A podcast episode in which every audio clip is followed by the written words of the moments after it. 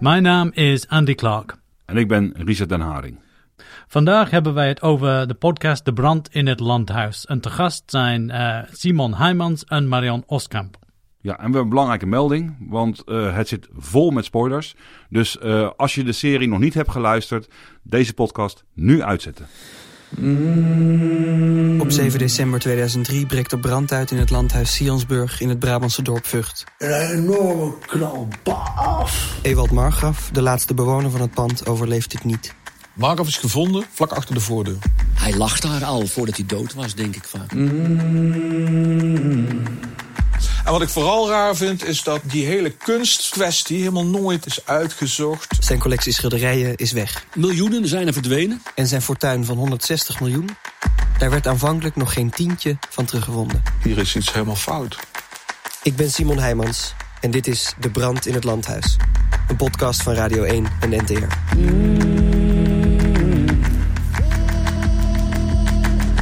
Dat meen je? Ja, ja, ja, ja, ja, ja. ja, ja. Nou, welkom bij uh, Lijn 14, podcast over podcast. Uh, ik wil beginnen bij Simon. Uh, waar kom jij ineens vandaan met je fluwele verhaalstem? nou, ik, ik ben acteur, dus ik kom uit het theater en ik schrijf. dus ik vertel verhalen, om het zo maar te zeggen. En ik heb vorig jaar een podcast gemaakt bij een voorstelling die ik maakte. Die voorstelling heette Voor Altijd Duurt een Jaar. En zo heet ook die podcast. Voor Altijd Duurt een Jaar.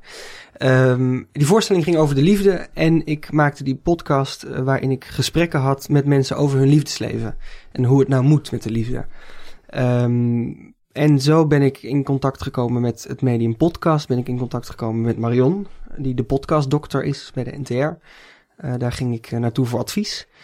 Um, en ik luister al heel lang podcast. Dus ik dacht, zo'n soort podcast hebben we nog niet echt. Uh, Marion, ja, de podcastdokter van de NTR. Zo ken ik jou ook. Kun jij vertellen wie, wie, wie je bent? Ik ben programmamaker, al heel erg lang, eigenlijk mijn hele leven. Dus na mijn studie Nederlands wist ik één ding zeker. Ik wil niet voor de klas. Dat was gewoon eigenlijk leidend. En graag de journalistiek in en kreeg toen ook de kans. Dus ik ben gewoon begonnen als presentator, presentatrice radio. Heb uh, bij het gebouw gewerkt, de VPRO. En nog, nog wat andere radioklussen. Ben toen naar televisie gegaan. Dat heb ik jaren gedaan. En toen weer terug naar radio. En podcast, podcast Dokter, dat is wel een mooie titel. Ja, en gaandeweg, weet je, dan ga je eindredactie doen en wat meer mensen begeleiden als je wat ouder wordt. En toen heb ik de NTR voorgesteld om die podcast Dokter in het leven te roepen. Oké. Okay. Ja, ik zag in Simon eigenlijk al heel snel het talent. Eigenlijk uh, de snelheid, de alertheid van de dingen die ik hem adviseerde en hoe die dat verwerkte en oppikte. En hoe die zijn eerste podcast vorm gaf. Ja. Is, is, dat ook misschien je theaterervaring uh, wat geholpen heeft? Ja, denk ik wel. Ik, ik ben gewend om met een publiek in contact te zijn. En de ene keer is dat heel direct door uh, vragen te stellen aan mijn publiek, zoals ik in die voorstelling deed. Maar meestal is dat dat het publiek zit te kijken en dat ik wel door heb wat mensen daarvan vinden. Uh, uh, wat het is om een publiek te bereiken. Dat dat belangrijk is dat je een beeld hebt wie die mensen zijn. Um, dus dat heeft heel erg geholpen. En ik denk die theaterachtergrond helpt ook in het vertellen van een verhaal. De ja. dramaturgie daarachter.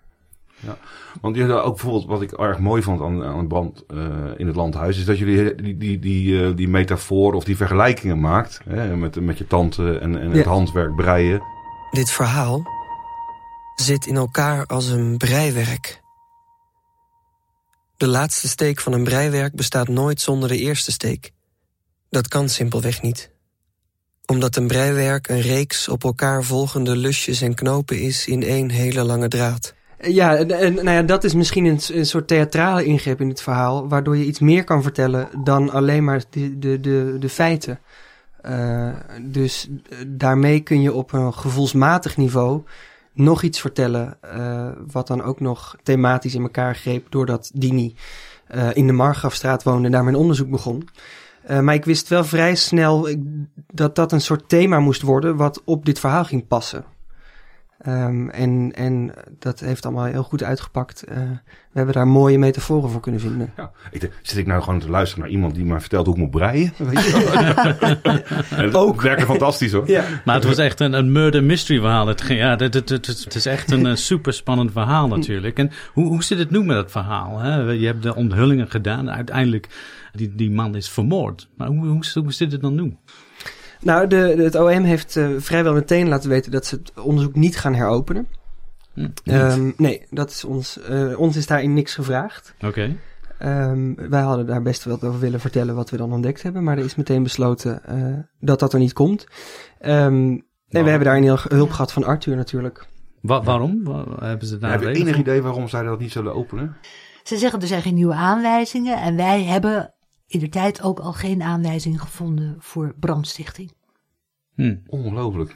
Een struisvogel. Kop en zo. Ja, nou ja, dat weet ik niet helemaal. Maar in ieder geval zou je kunnen zeggen dat veel van onze bewijzen in de richting gaan van kunstzwendel. Ja, die kunsthandelaar, die, kun je toch, die moet je toch zo kunnen opsporen wie dat geweest is. Die het, het gros van die schilderijen heeft verkocht aan die man.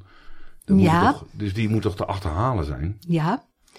En dan zullen er ook nog wel een aantal zware jongens in de buurt eh, zijn om een oude man een klap op zijn kop te geven die hem uitschakelt.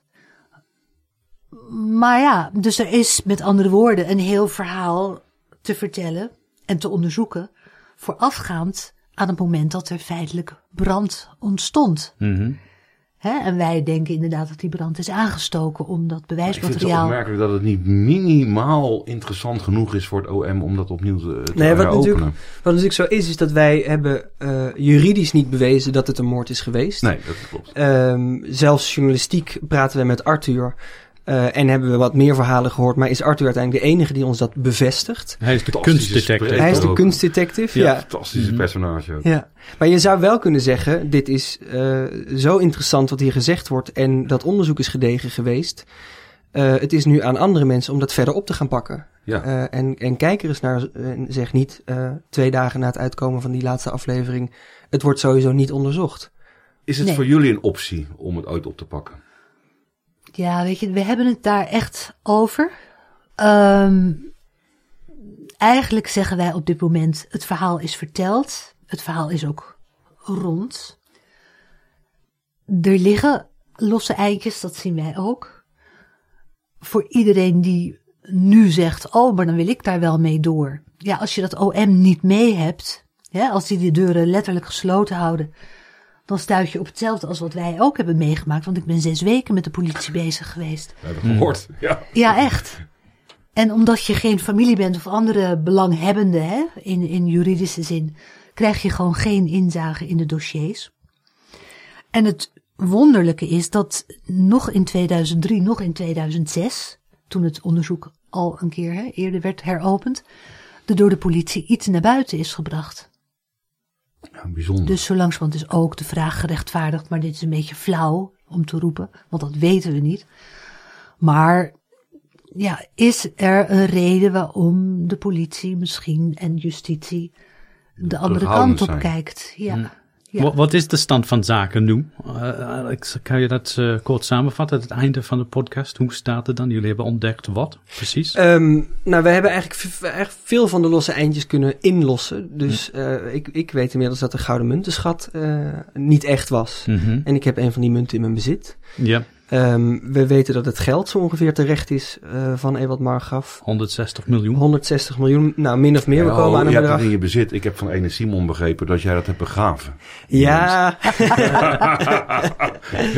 Ja, Niet? eh, ja, nou ja, dat, dat dat hoor je in de podcast, toch? ja. Ja, dat Ja. hoor je in de podcast. Ja. Ja, ik bedoel, hè, wij gaan ervan uit dat iedereen geluisterd heeft. Voor Ja. hè, voor Maar het belangrijkste punt van allemaal, volgens jullie, is die man vermoord, toch? Of Eh, dat is één van de punten. Eh, En dat is, een, dat is wel een, een, een groot verhaal, ja. Ehm, en wij geloven de informatie die wij gehad hebben. Eh, en wij geloven dat dat eh, eh, niet een toevallig brand is geweest. Jeetje, Simon. Oh, Dit had ik echt niet verwacht. nee, hoe voel je je? ehm, het is heel raar. Het is wezenloos, hè? Het is Ja. ook een naar beeld, vind je niet? Ja, het is, het is, het is echt, echt niet leuk en, en helemaal niet wat ik had verwacht te vinden vijf maanden geleden. Ik, ik, ik dacht echt, we, we gaan kijken of er misschien iets in die geruchten zit van een waarheid. Maar dat we alles hebben gevonden. Dus zowel de munten, de schilderijen, het geld, die documenten weten we nu van. En dat ook zelfs nog, wat ik echt als laatste had verwacht, eh, daadwerkelijk een moord blijkt te zijn geweest. Dat, ja, Ja. Dat, is- ik ben, shocking is het. Het is ook shocking. En dan te bedenken dat zo'n oude man daar dan s'avonds laat nog die deur open doet. Op je tachtigste. Met zijn leven moet bekopen. Ja, vreselijk. En je vormt je gedurende die, die afgelopen maanden dat wij aan de podcast werkten... natuurlijk toch een beeld van de figuur Ewald Margraaf. Hè? En het leven wat hij geleid moet hebben. Nou, daar komt toch, wat je ook in de podcast hoort, een, een beeld naar voren... van een man die redelijk geïsoleerd leefde. Die misschien wel meer met mensen wilde, maar die een persoonlijkheid had die hem in de weg stond. Ja, zo zou je het kunnen noemen. Hè? Dat hebben we ook enig relief kunnen geven, toch? Door zijn eigen voorgeschiedenis, hè? De, de, de manier En dat hij eh Waarop zijn vader is- homoerotische nepkunst eh, mogelijk homoseksueel, dat zou kunnen. Eh, de behandeling van zijn vader na de oorlog, hè, die natuurlijk toch een dubio- dubieuze rol heeft Ja. gespeeld Met de Duitsers. met de Duitsers. Mogelijk, dit is allemaal een beetje invullen, maar je krijgt natuurlijk, want we hebben er ontzettend veel over gelezen, heel veel mensen over gesproken. eh, mogelijk toch een behoorlijk autoritaire vaderfiguur is geweest, waar die kinderen wel tegenop keken. En als zo'n held waar je ook voor siddert, dan ineens Ja. in een kamp belandt, dan hè, vormt je dat als kind natuurlijk wel. En je vertrouwen in de buitenwereld wordt er niet groter op. Nee, want Zeker. dat was ook opmerkelijk aan die man zelf. Dat hij dan, als er dus iemand eigenlijk een stap maakt eh, richting hem. eh, die dame, hè, die, eh, die gewoon Ja. langs gaat van ik wil het nu wel eens weten. Ja. En die eigen worden die heel vriendelijk ontvangen. Ja, maar ze moeten dus wel zelf door iets over. heen breken. Hè? Ja. Ze moeten gewoon het lef hebben om te zeggen, meneer Margraaf, Ja. nu houdt u uw mond dicht. Nee, maar als het echt zo'n zo'n zo'n zo'n beetje wat ik zeg, zo'n vrekkige, rijke man, eh, Nors, eh, zou je verwachten dat hij heeft met schothagel en nou van mijn land af. Ja, Maar dan is hij dus wel bereid. ja. En het is echt wel bewezen, ik bedoel, daar zijn ook gewoon foto's van, die ons zelfs afgelopen week nog toe werden gestuurd, van dat, ja, ouderwetse op, op instorten staande landhuis, zullen we maar zeggen, hè, waar heel lang geen onderhoud is gepleegd. En dat zie je gewoon, namelijk het behang wat nog bij mijn oma in huis hing. En, en van die ouderwetse elektriciteitsschakelaartjes, weet je wel. Ja. Gewoon elektra die nooit vernieuwd is. Maar ook overal rijen dik schilderijen en lijsten tegen de wand. En ja, vader Margraaf verzamelde al. Dus daar zat ook een soort incentive hè, voor Ewald om daarmee door te gaan. Dat was dus kennelijk iets wat nou ja, positief op je afstraalde. Hij had het geld, het werd een hobby. Ja. Ja, dus alles bij elkaar is het wel heel aannemelijk dat kunsthandelaars daar brood in zagen. Het is ook een verhaal over eenzaamheid, naïviteit. Ja. Eh, hoe vond jij dat, eh, Simon? Eh, Ja, ik, ik vond dat thema wel vrij snel interessant. Iemand die zo alleen is. Ehm, er zijn een paar mensen dicht bij hem geweest. eh, dat mysterie. Ehm, en de serie gaat uiteindelijk voor mij ook heel erg over... Wat gebeurt er als je rust neemt en aandacht voor elkaar hebt? Als je gewoon eens gaat vragen hoe het zit. Hmm. Zonder al met een eigen agenda te komen. Ehm, wat gebeurt er als je eh, eh, echt investeert in het willen weten van hoe de ander in elkaar zit zonder daar een oordeel over te hebben? Ehm, wat gebeurt er als je niet morgen een snelle krantenkop moet hebben, maar vijf maanden de tijd hebt om dit verhaal uit te zoeken? Ja, je komt eh, die eh, Ron Batel tegen. Die is echt een, een hele geweldig karakter in de podcast van Omroep Brabant, een andere verslaggever. Hoe ging dat? Nou, ik, ik had met hem een afspraak eh, omdat ik eigenlijk een oproep wilde doen en wilde laten weten dat ik bezig was met deze podcast in de hoop op meer verhalen. En hij wilde dan een reportage over mij maken en ik wilde met hem praten over zijn contact met Boudewijn. Ja. Eh, een personage in de podcast die we niet te horen krijgen, want Boudewijn heeft niet meegewerkt. Hij is de, de butler van, van Eeuw Ja, de of huisvriend. vriend of Ja, huisvriend. huisvriend of, wordt hij ja, vaak genoemd. Huisvriend. Iemand die dicht bij Margaf is geweest in Ja. ieder geval. Ehm, Nou ja, en wat daar gebeurd is, dat heeft iedereen in de podcast kunnen horen. Eh, en ik heb dat verteld omdat ik in aflevering 2 eh, aan de luisteraar beloof... ik vertel het je zoals het gebeurd is. En daar is dit een onderdeel van geweest. Mhm. Ehm, maar eh, Maar heb jij duidelijk afgesproken met, eh, met Omroep Brabant? Of met, met, die, met, eh, met hem? Dat je zei van, joh, ik wil dat interview geven, maar je mag, daar niet, mag dat niet publiceren voordat ik met mijn podcast klaar ben. Nee, zo is het niet gegaan. Nee, ik heb, wat daar gebeurd is, is dat ik een ander verhaal vertelde dan dat daar uiteindelijk stond. Dus ik herkende me niet in wat daar Oh, gepubliceerd Dat werd. was meer het Ja, probleem. Dus eh, ik heb het gehad over juist die rust, die aandacht voor dat verhaal. Eh, en stond ineens in een soort schreeuwerig artikel. Een soort, eh, kerstboom. eh, Ja. lijst, Hmm. ja. Maar goed, dat heeft in de podcast gezeten omdat het eh, zo'n onderdeel is geweest van hoe het verloop van het verhaal is geweest. Eh, en daar heb ik dat verteld. En, en volgens mij moeten we daar nu niet Denk heel dat veel Wouter- verder in gaan Nee, roeren. maar je hebt heel duidelijk je mening over die, die, die karakter, die, die man in de podcast gegeven. Je, je, je reflecteert op hem ook. Ik vond dat heel interessant. En als luisteraar heel leuk, geweldig. Maar dan vroeg ik me af, nou, hoe vindt hij dat zelf dan? Hij heeft niet gereageerd, overigens, zelf. Maar we hebben wel een, een, nou ja, je mag wel zeggen, een boze mail gehad van zijn hoofdredacteur. Maar niet alleen vanwege die, ja, een beetje persiflageachtige manier. Ja, hè, dus, waarop Renzo Veenstra denken. Renzo Veenstra, maar dat heeft te maken met sowieso onze samenwerking met Omroep Brabant. Want het verhaal gaat natuurlijk verder. Hè? Mhm. Aansluitend op die reportage meldt er zich een klokkenluider Ja. die op zoek is naar ons, Ja. hè, naar de NTR. zoals dan. Oh ja, dat ging via hun. En En die-. Ja. En die de, bij de NTR Simon, maar ook mij niet konden vinden. Hm. En dus op hangende pootjes bij Omroep Brabant terechtkomt. Nou, eigenlijk zeg je dan als journaliste van Tuurlijk. hé, hey, wij krijgen nu informatie in de schoot geworpen die niet primair voor ons was bedoeld. Overigens ging dezezelfde journalist ons dat wel vertellen. Van, Ik ben gebeld en er heeft zich een dat is klokkenluider. aan hem. Dat hij er nog een soort, soort ja, Ja. blij daarmee is. Dus hij, hij ziet dat zelf maar helemaal niet. Hè? In dat plaats hij dat van te, doet. Nee, en in plaats van te denken, wow, die informatie hou ik dus even voor me. Mhm. En ik ga het onderzoeken en wauw, hè, dit. Heeft hij ons bestookt. En daar hebben wij natuurlijk gebruik van gemaakt. Want ik heb die man ook drie keer teruggebeld en gezegd, Ja. goh, en hoe zit het dan met dit? En stukje bij beetje kregen wij natuurlijk veel informatie. Mhm. Maar er zijn in de grote lijn afspraken gemaakt over wanneer wij deze informatie zouden krijgen van Omroep Brabant. Hè? Want Ja, het principe was, dit gaan we delen. Hierin moeten we samen ja optrekken. samen optrekken. Die afspraak is geschonden. En eh, helemaal het eind van het liedje was dat het enige argument wat hen nog restte was... ja, maar de klokkenluider zelf wil niet met de NTR praten. En ons eigen onderzoek bracht ons wel bij diezelfde klokkenluider. Want we hebben ja. het gewoon zelf uitgezocht, toch? Tuurlijk. En toen bleek dat de klokkenluider niet anders had gedaan dan gevraagd... ik wil graag met de NTR. Ja, dus Ja. wilde dat wel. als je het rust en aandacht geeft en niet op snelle sensatie uit bent, of niet alleen maar op onderzoeksjournalistieke Ja. uitkomsten, Hm. dan vertel je dus ook hè, het personage Simon, of zoals hè, de, de ik-figuur, wat hij meemaakt. En Ja. dat is natuurlijk wel het ja, vehikel. Ja, het charme van de podcast, denk ik, toch? Je wordt echt persoonlijk meegenomen Zeker, het is door... iets anders dan een reportage. In een reportage hadden wij in één aflevering onze uitkomsten kunnen presenteren Ja, na hetzelfde tuurlijk. onderzoek. Ja. De Ehm, eerste zin. Ja, maar het gaat, het, gaat, het gaat hierin echt om, om dat. Ik luister ook een podcast omdat ik zo'n verhaal wil meemaken. En, en het gevoel wil hebben dat ik daarbij ben geweest en elke stap heb kunnen meemaken. En de frustratie van een doodlopende weg eh, ook wil voelen met die maker mee. Something's happened. Something has absolutely happened in this town.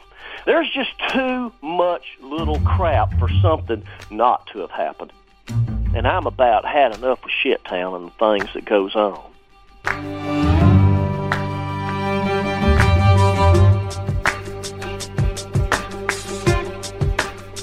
From Serial and This American Life, I'm Brian Reed. This is Shittown.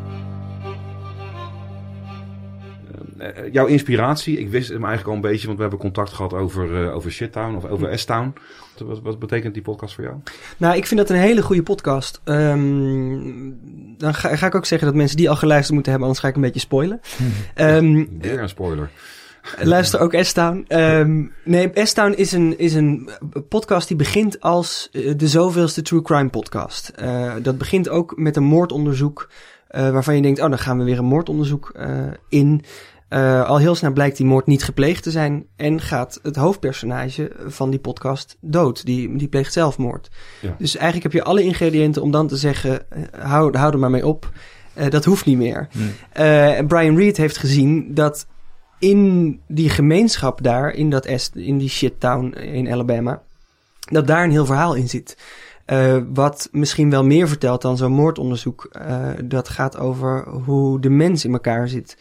Ehm, en wat ook een grote inspiratiebron is geweest, is dat hij heeft een soort analogie met een klok Mhm. in, in dat verhaal. Wat, wat heel slim is, want ook daardoor vertelt hij eigenlijk, hij vertelt eigenlijk poëtisch gezien in aflevering 1 helemaal aan het begin wat er zal gebeuren.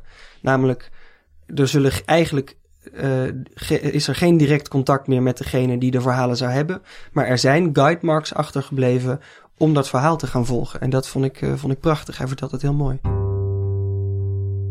Je komt uit eh, Vught, toch? Die regio van In het buurt, verhaal. ja. Van, eh, dus, dus jij zit wel in de gemeenschap. Dus dat vergelijking, zat dat altijd in je, in je achterhoofd dan, te- terwijl je dit maakte? Nou, we hebben het wel veel gehad over hoe komt het dat zo'n verhaal in zo'n gemeenschap blijft bestaan. Hmm. Eh, wat doet zo'n gerucht binnen zo'n dorp? Eh, hoe komt het dat iedereen daar iets van weet of denkt te weten? En wat is dan uiteindelijk de waarheid daarachter? Hmm. Ehm, dat vond ik wel een interessant gegeven, ja. Ja. En hoe is er gereageerd na afloop dan? Na afloop van die serie in, in de omgeving, in het dorp? Maar ik krijg vooral goede reacties en mensen zijn eigenlijk wel blij dat, dat er zo diepgravend onderzoek naar is gedaan. Eh, want het zijn verhalen die altijd al rondgingen. En nu, ehm, als je de podcast luistert en je gelooft wat wij vertellen, dan is er een antwoord. Gingen er al geruchten rond over, over eh, ja, eh, ja, zware jongens, eh, criminele activiteiten? Die verhalen zijn er altijd geweest, ja. Dat- Maar werden mensen, zijn mensen bang? En, en, en, en ging dat ook voor jou tijdens het maken van dit podcast? Op een gegeven moment kwam je op het spoor van... hé, hey, wauw, er zit hier echt serieuze criminelen achter misschien. En dan loop je ook misschien gevaar. Ja, nou daar hebben wij eh, de hulp eh, en de expertise van Arthur in gehad, die dat gedeelte op zich heeft genomen. Ehm, en waarom dat nooit eerder onderzocht is, weet ik niet zo goed. Omdat het, en dat, dat zeg ik ook in de podcast. eh, ik zeg op een gegeven moment, het lijkt wel alsof de woorden onthecht zijn van hun betekenis. Het lijkt alsof dat verhaal al zo lang bestaat, dat, er, dat, dat je eigenlijk een beetje afstand nodig hebt. Want ik woon daar al jaren niet meer in de Mm. Eh, een beetje afstand nodig hebt om weer te zien, goh, dat zijn eigenlijk best heftige dingen die er gezegd worden. Ja. Ehm, maar dat wordt allemaal een beetje voor de vuist weg eh, benoemd als het over dat verhaal gaat. En die verhalen zijn er altijd geweest. Dus Boudewijn heeft altijd gezegd, het heeft te maken met een kunstzwendel. Eh Ewald werd bedreigd eh, voordat hij overleed. Eh, hij werd zelf een keer van de weg gereden. Eh, hij mocht niet meer op Sionsburg komen. En hij heeft altijd gezegd, vanwege die schilderijen is die brand aangestoken. Ja. Ja, hij wist het wel. Hij wist het eigenlijk, maar hij wist niet Maar precies. zijn, zijn jullie persoonlijk bang geweest? Ik, ik kan me dat namelijk heel goed voorstellen. Ik vond het toen ik dat helemaal hoorde, dacht ik, man, ja, hoe ver ga, ga je dan door? Eh, hebben, jullie, hebben jullie gedacht, joh, dit is te bedreigend, we, we gaan dit afkappen? Nou, ik ben heel onrustig over geweest. Eh, ook omdat dit hele journalistieke werk voor mij nieuw is. Dus ik weet überhaupt niet wat er normaal is, hoe ver je kan gaan. Ehm, dus ik heb dat heel spannend gevonden. Ehm, maar, maar we waren wel in goede handen bij Arthur, volgens mij. Die dit eh, dagelijks voor zijn werk doet. Maar jullie hebben rechtstreeks een confrontatie gehad of een interviewgesprek met de nieuwe bestuur van de stichting Maga. Ja, dat is misschien een grotere Dus dat is wel, reden ik, ik om weet bang niet, te zijn. In ieder geval nou ja, Ja. gevaarlijk of zo. Maar jullie hadden allerlei ja, eh, ja, theorieën over die mensen. En jullie hebben die geuit in de podcast. Dus jullie hebben wel de kaart op tafel gelegd. En Ja. daarna rechtstreeks onder vier ogen in gesprek gegaan met die mensen. Ja, maar ik denk dat zeg maar het bang als hè, bang voor criminelen of bang voor zelf een klap op je hoofd. Ja, dat zit toch meer in die hoek van die kunstzendel. En wat Simon zegt is waar dat eh, dat helemaal niet ongevaarlijk zozeer was. Maar Arthur die wist heel goed van nou, tot hier moet je gaan en nou moet je ook niet verder willen. Mhm. Hè, dus die kreeg op zijn beurt ook wel weer waarschuwingen van nou nu niet verder roeren in deze kwestie. En in hoeverre dat dan gevaarlijk is voor makers zoals wij, dat vraag ik me af. Dus ik ben iets minder onrustig geweest. Maar ja, in, dat, in, dat, in die onderwereld gist het ook. Beste Boudewijn, je hebt al die tijd gelijk gehad. Ik weet niet of je luistert, maar ik hoop dat dit bericht je wel bereikt. Je hebt al die tijd gelijk gehad. Je theorieën hebben me op het goede spoor gezet, zodat ik verder kon gaan zoeken naar een antwoord. En dit moment, bij kunstdetective Arthur op de bank, zou wel eens het eindpunt kunnen zijn.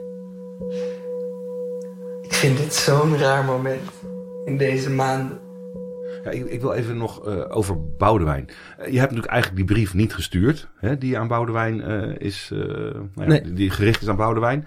Maar je hebt natuurlijk wel ehm, eh, gelezen in de podcast. Mhm. Denk je dat Boudewijn hem gehoord heeft? Ehm, ik denk het wel, of dat hij erover gehoord heeft, maar we hebben geen reactie van hem gehad. Dus hij, hij is gebleven bij zijn standpunt dat hij niet meer naar buiten wil treden over dit verhaal. Ehm, wat eh, zo goed recht is. Eh, en ik hoop dat hij het gehoord heeft, want het was een, een brief die ik oprecht heel aardig naar hem bedoeld heb. Ja. Ja, heel open. Ja, Ja. En vond je het niet dubbel? Dat je zegt, ja, ik, ik stuur hem niet, maar je- eigenlijk stuur je hem wel? Ja, dat is ook, dat is ook natuurlijk hoe je zo'n verhaal vertelt. Ehm, dus eh, ik, ik heb hem niet gestuurd, maar ik heb hem natuurlijk ook weer wel gestuurd. Ehm, en door te zeggen, ik heb deze brief niet gestuurd, maar hem dan wel te lezen, gebeurt er ook volgens mij iets leuks in het, in, in het hoofd van de luisteraar. Dat je een beetje in verwarring bent over hoe die brief dan in elkaar zit en wat daar dan eh, de, de bedoeling van is geweest. Ja, ja zeker. En aan het eind van de podcast ga je symbolisch eh, geld begraven, schilderijen begraven, de, de gouden munt ook. Hoe, waar kwam dat idee eh, vandaan? Nou, het kwam aan, echt wel omdat het ons in vijf maanden ons hele leven op, op zijn kop gezet heeft. Vijf maanden. Ja, vijf maanden heeft dit allemaal geduurd. Ja. Die hele vijf maanden heb je, heb je kunnen horen in de podcast.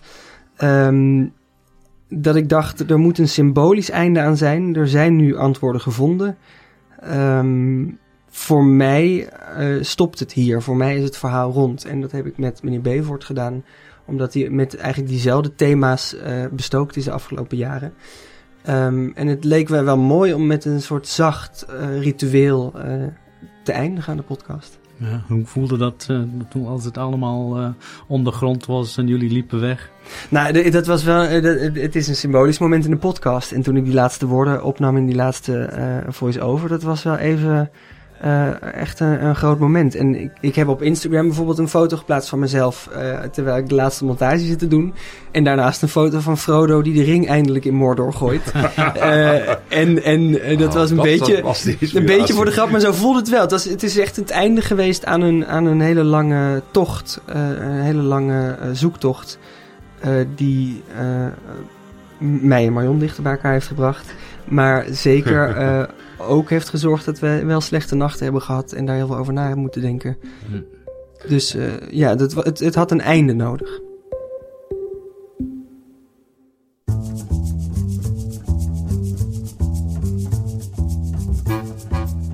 Veel dank aan Simon en Marion dat ze mee willen doen aan dit interview. Vertel over Lijn 14 aan al je podcastvrienden en we spreken elkaar snel weer. Ja, tot de volgende keer.